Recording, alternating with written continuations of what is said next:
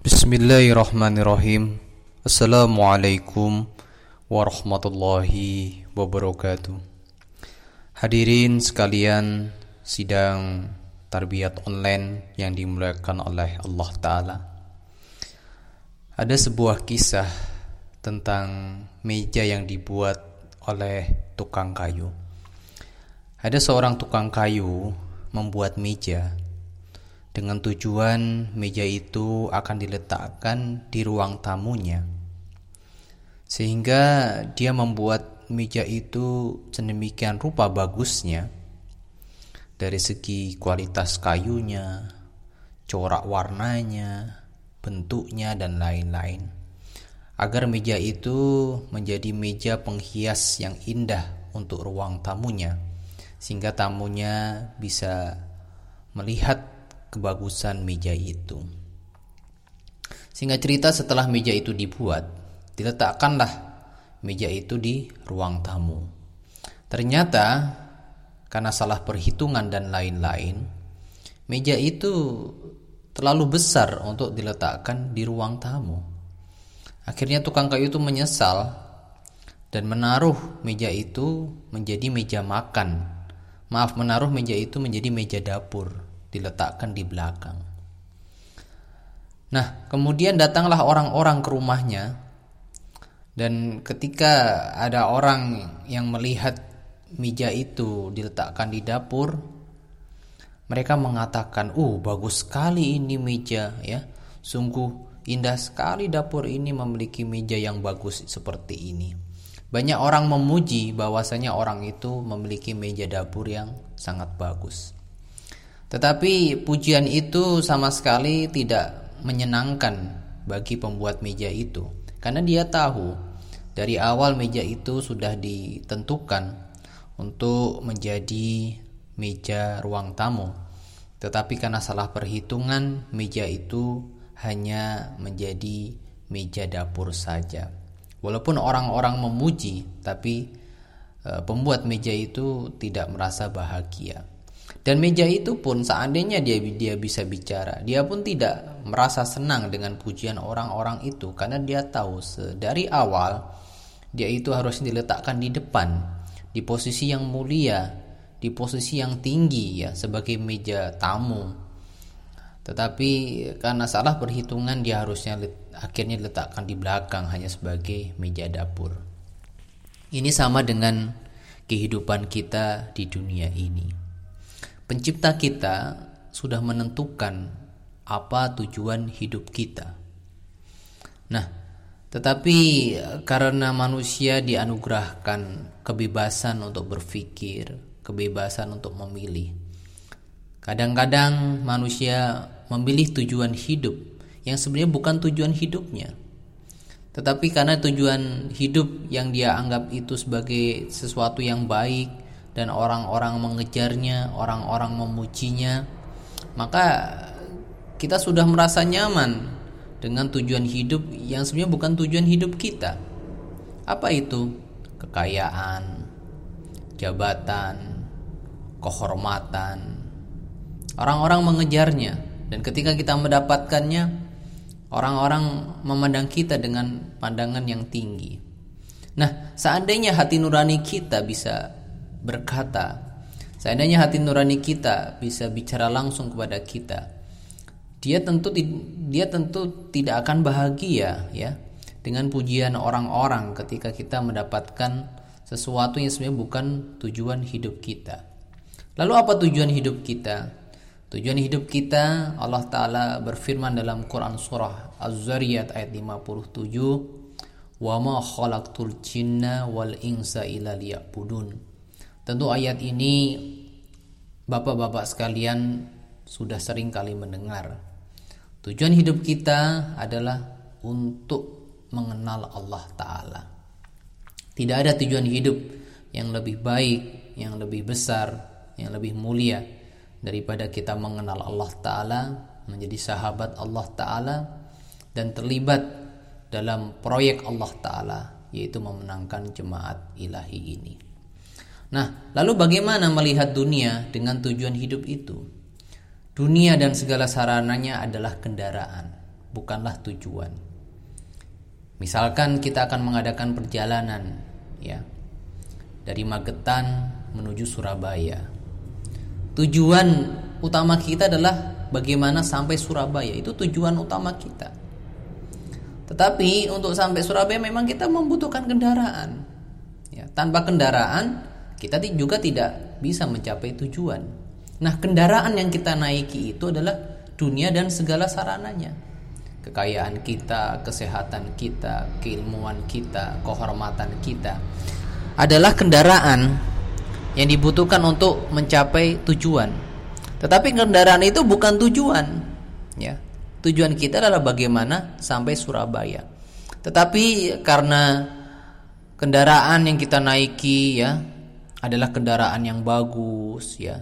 Kemudian e, banyak orang-orang yang menge, e, hobi untuk mengkoleksi kendaraan. Hingga kita lupa dengan tujuan kita kita lebih senang dengan kendaraan itu. Kita sudah senang bisa menaiki kendaraan itu. Walaupun kendaraan itu entah ke mana berjalannya ya.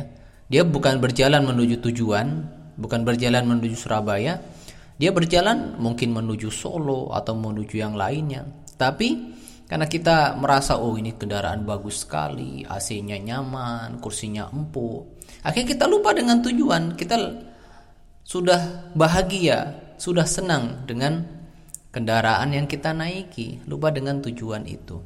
Nah, ketika kita lupa dengan tujuan kita, hidup di dunia ini adalah untuk mengenal dan menjadi sahabat Allah taala.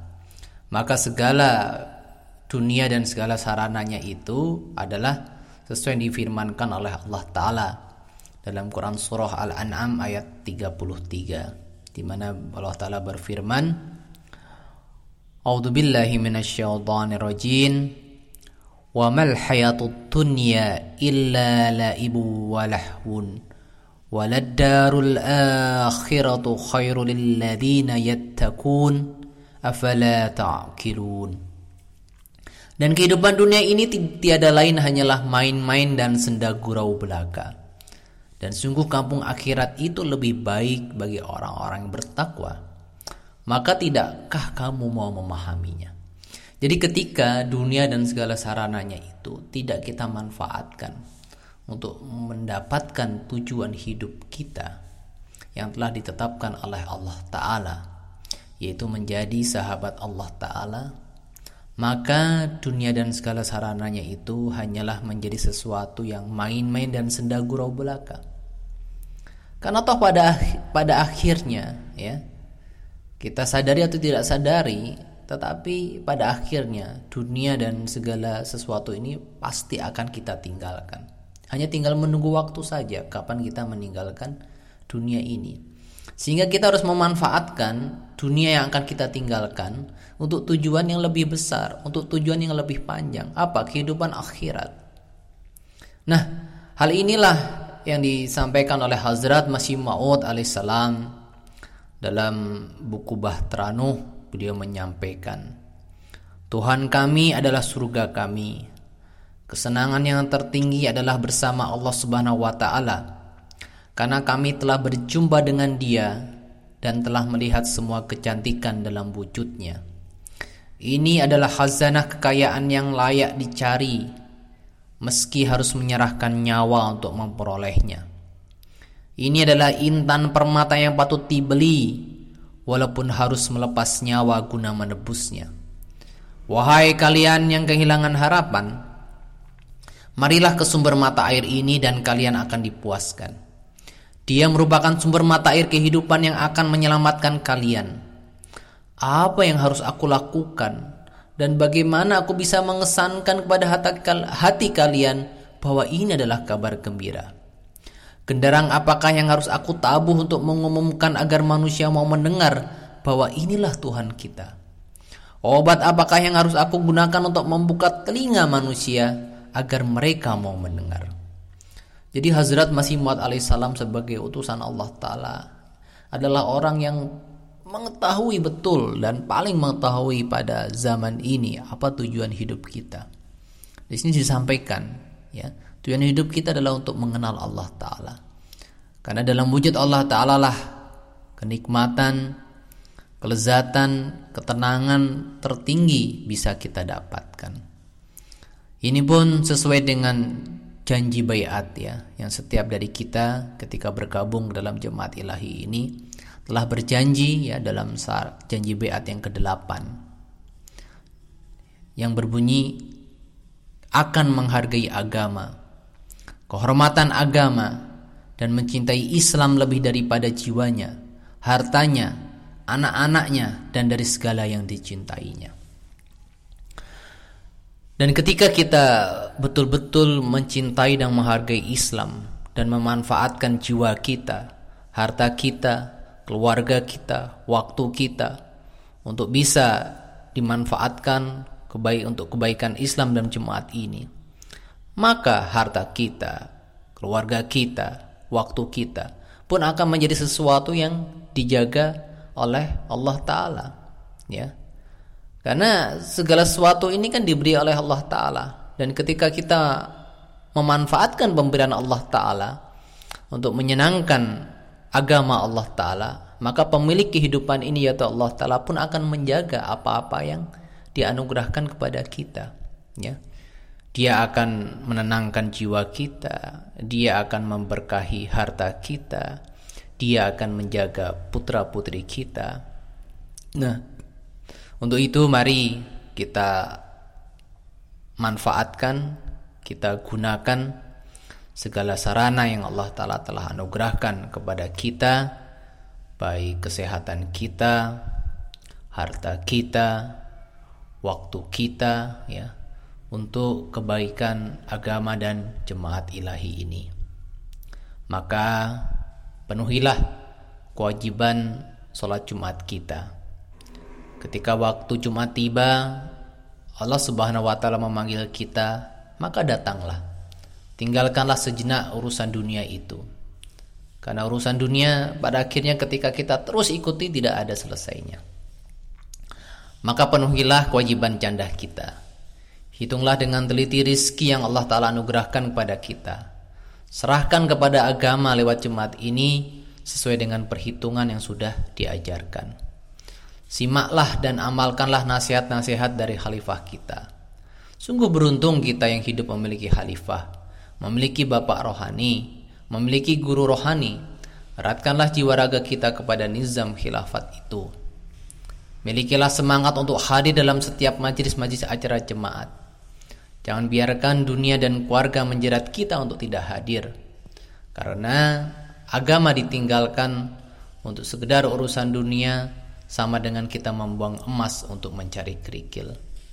Semoga Allah Subhanahu wa taala memberi pertolongan kepada kita semua dan untuk saya pribadi juga masih harus banyak belajar tetapi inilah nasihat-nasihat yang disampaikan oleh Al-Quranul Karim oleh Hazrat Masih Maud alaihissalam agar kita betul-betul bisa menjalani kehidupan ini menjadi kehidupan yang sangat bermanfaat dunia akhirat. Demikian wa akhiru da'wana wassalamualaikum warahmatullahi wabarakatuh.